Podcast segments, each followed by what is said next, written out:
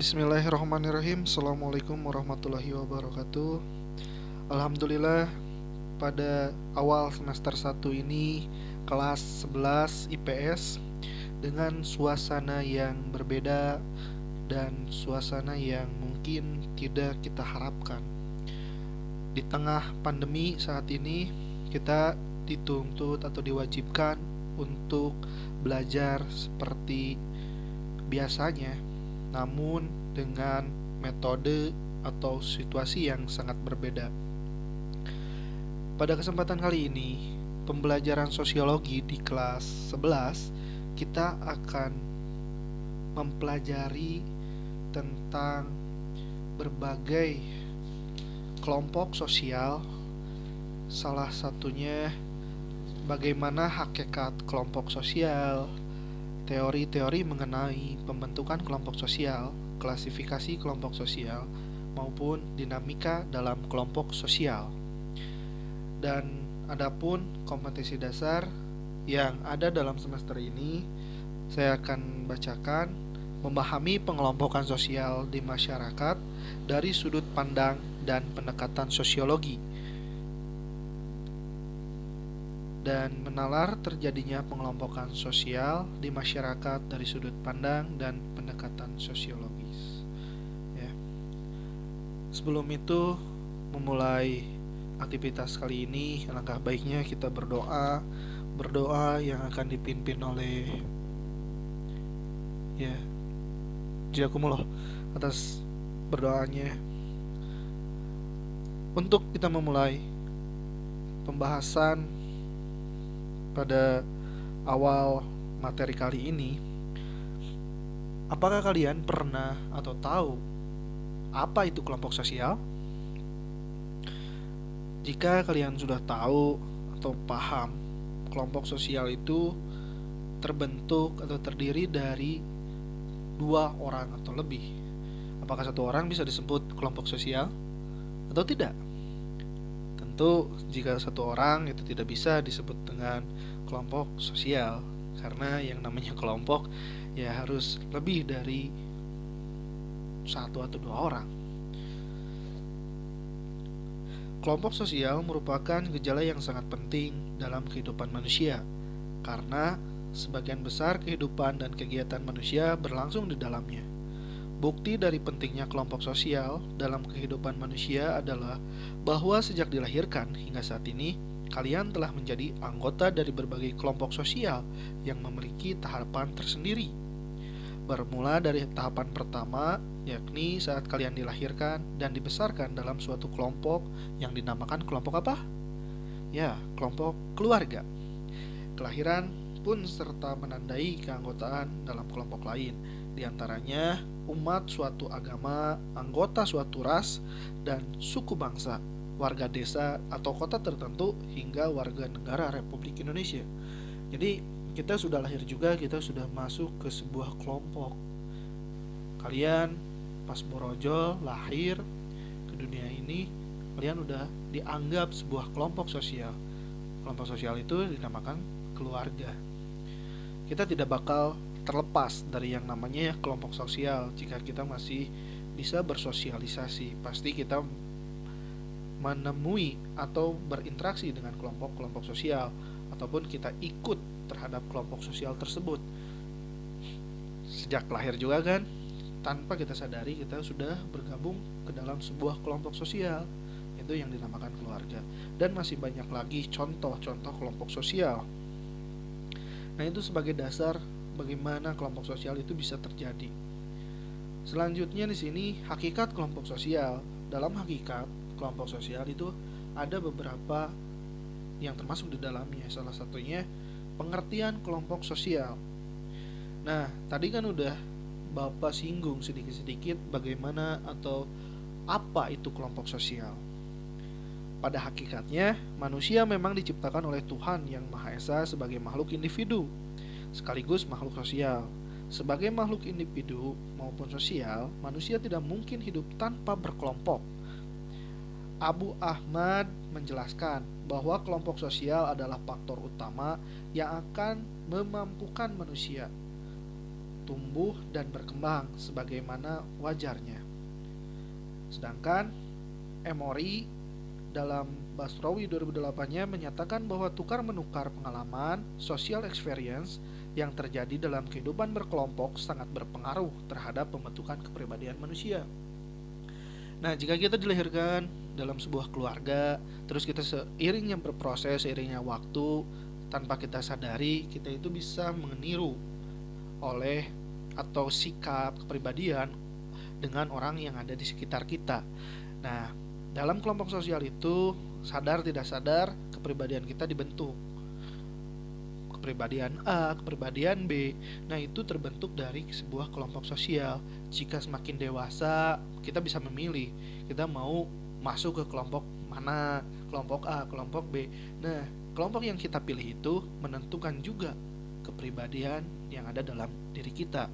Tapi tidak mungkin kalian mau menentukan kelompok sosial yang bernamanya keluarga. Ah, apa mas saya mau menentukan keluarga saya di sana gitu kan nggak bisa itu sorry terus kelompok-kelompok sosial dalam masyarakat terbentuk karena adanya hasrat dalam diri manusia itu sendiri.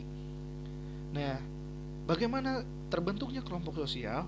Kelompok sosial terbentuk itu karena ada hasrat dalam diri kita. Hasrat ingin bergabung. Nanti kita akan bahas satu-satu. Salah satunya hasrat sosial. Hasrat sosial Terus hasrat bergaul, hasrat memberitahukan, hasrat meniru, hasrat berjuang, hasrat bersatu, dan itu semua yang menimbulkan atau membuat kita ingin bergabung terhadap kelompok sosial. Di sana ada enam hasrat, salah satunya hasrat sosial yang berarti hasrat manusia untuk menghubungkan dirinya dengan individu atau kelompok lain. Bersosialisasi gitu ya yaitu hasrat sosial. Hasrat bergaul yaitu hasrat untuk bergaul atau bergabung dengan orang maupun kelompok lain.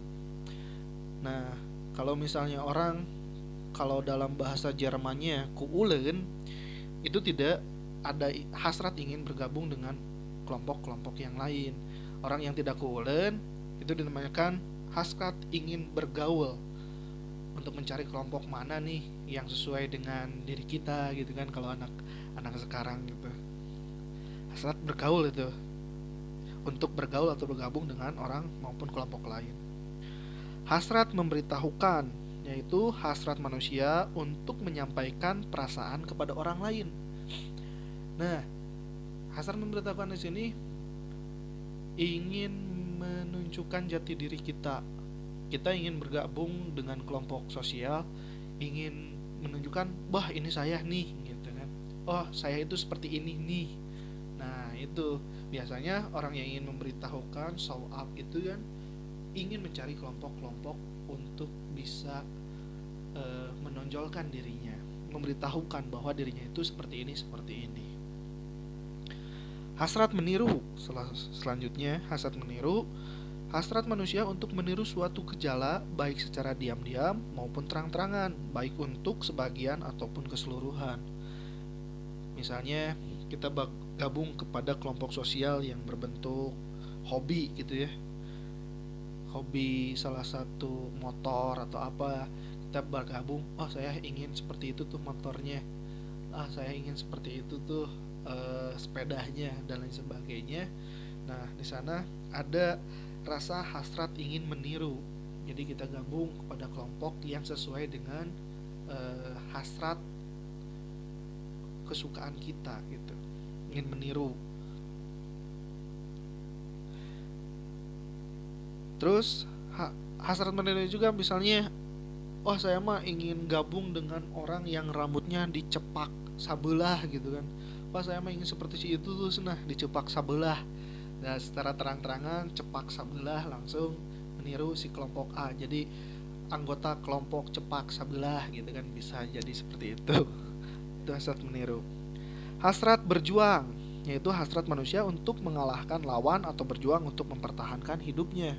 Nah ini eh, solidaritas misalnya kelompok A dengan kelompok B dalam kelas IPS, kelas IPS putra maupun putri ingin mempertahankan kelompoknya. Misalnya ada lomba masak nih antara kelas IPS putra dengan IPS putri. Ingin berjuang mempertahankan atau membawa sebuah kelompoknya untuk menang itu ingin berjuang hasrat untuk mengalahkan atau berjuang mempertahankan hidupnya. Hasrat bersatu. Ini sama hasrat manusia untuk bersatu dengan lainnya agar tercipta kekuatan bersama mengingat adanya kenyataan bahwa manusia adalah makhluk yang lemah.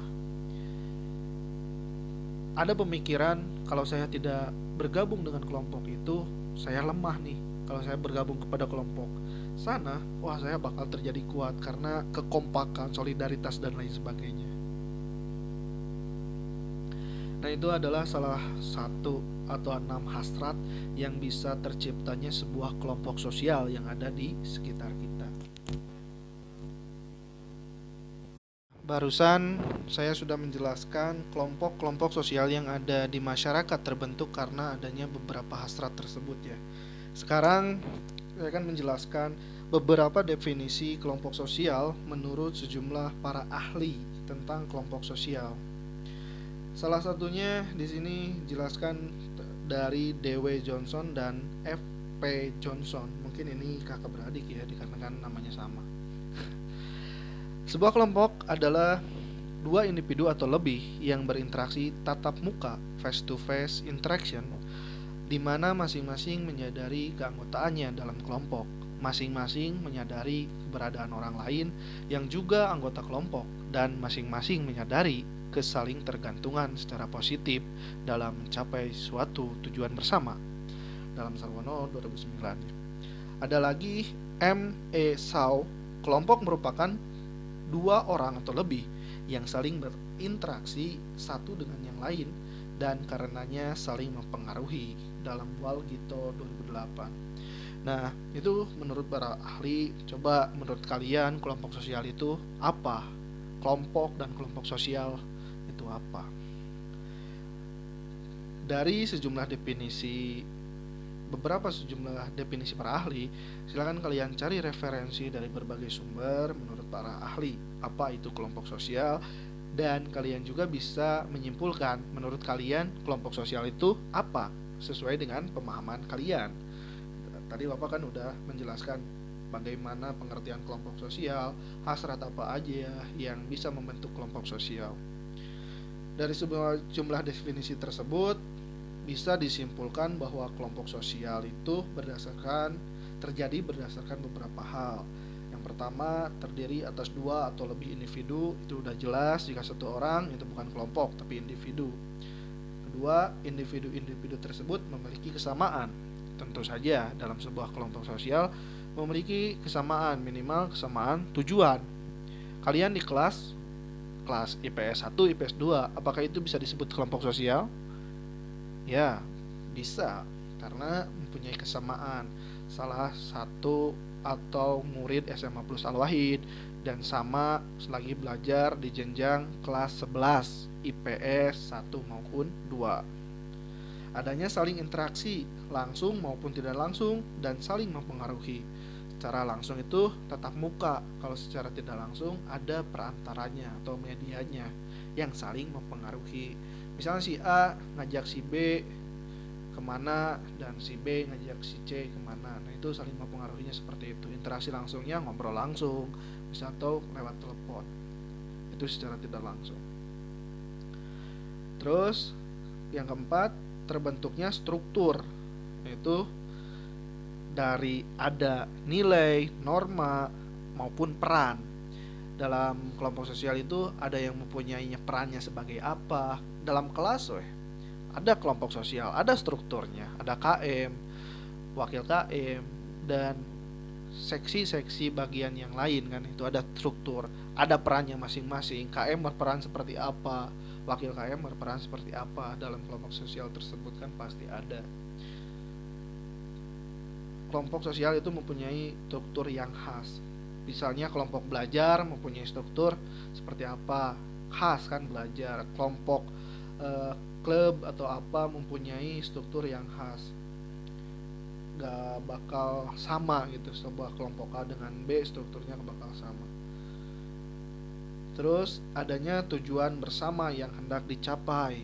Nah contoh simpelnya lagi kalian belajar di sini kelas 11 IPS kan tujuannya ingin mendapatkan sebuah ilmu. Sama semuanya satu frekuensi.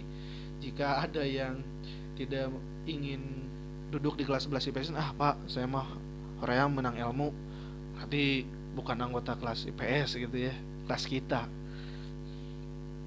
nah itu eh, beberapa definisi yang bisa disimpulkan dari apa itu kelompok sosial, apa itu pengertian kelompok sosial.